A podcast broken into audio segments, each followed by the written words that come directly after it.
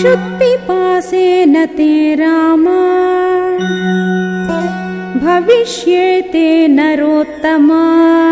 बलामतिबलां चैव। पठतः पथि राघव।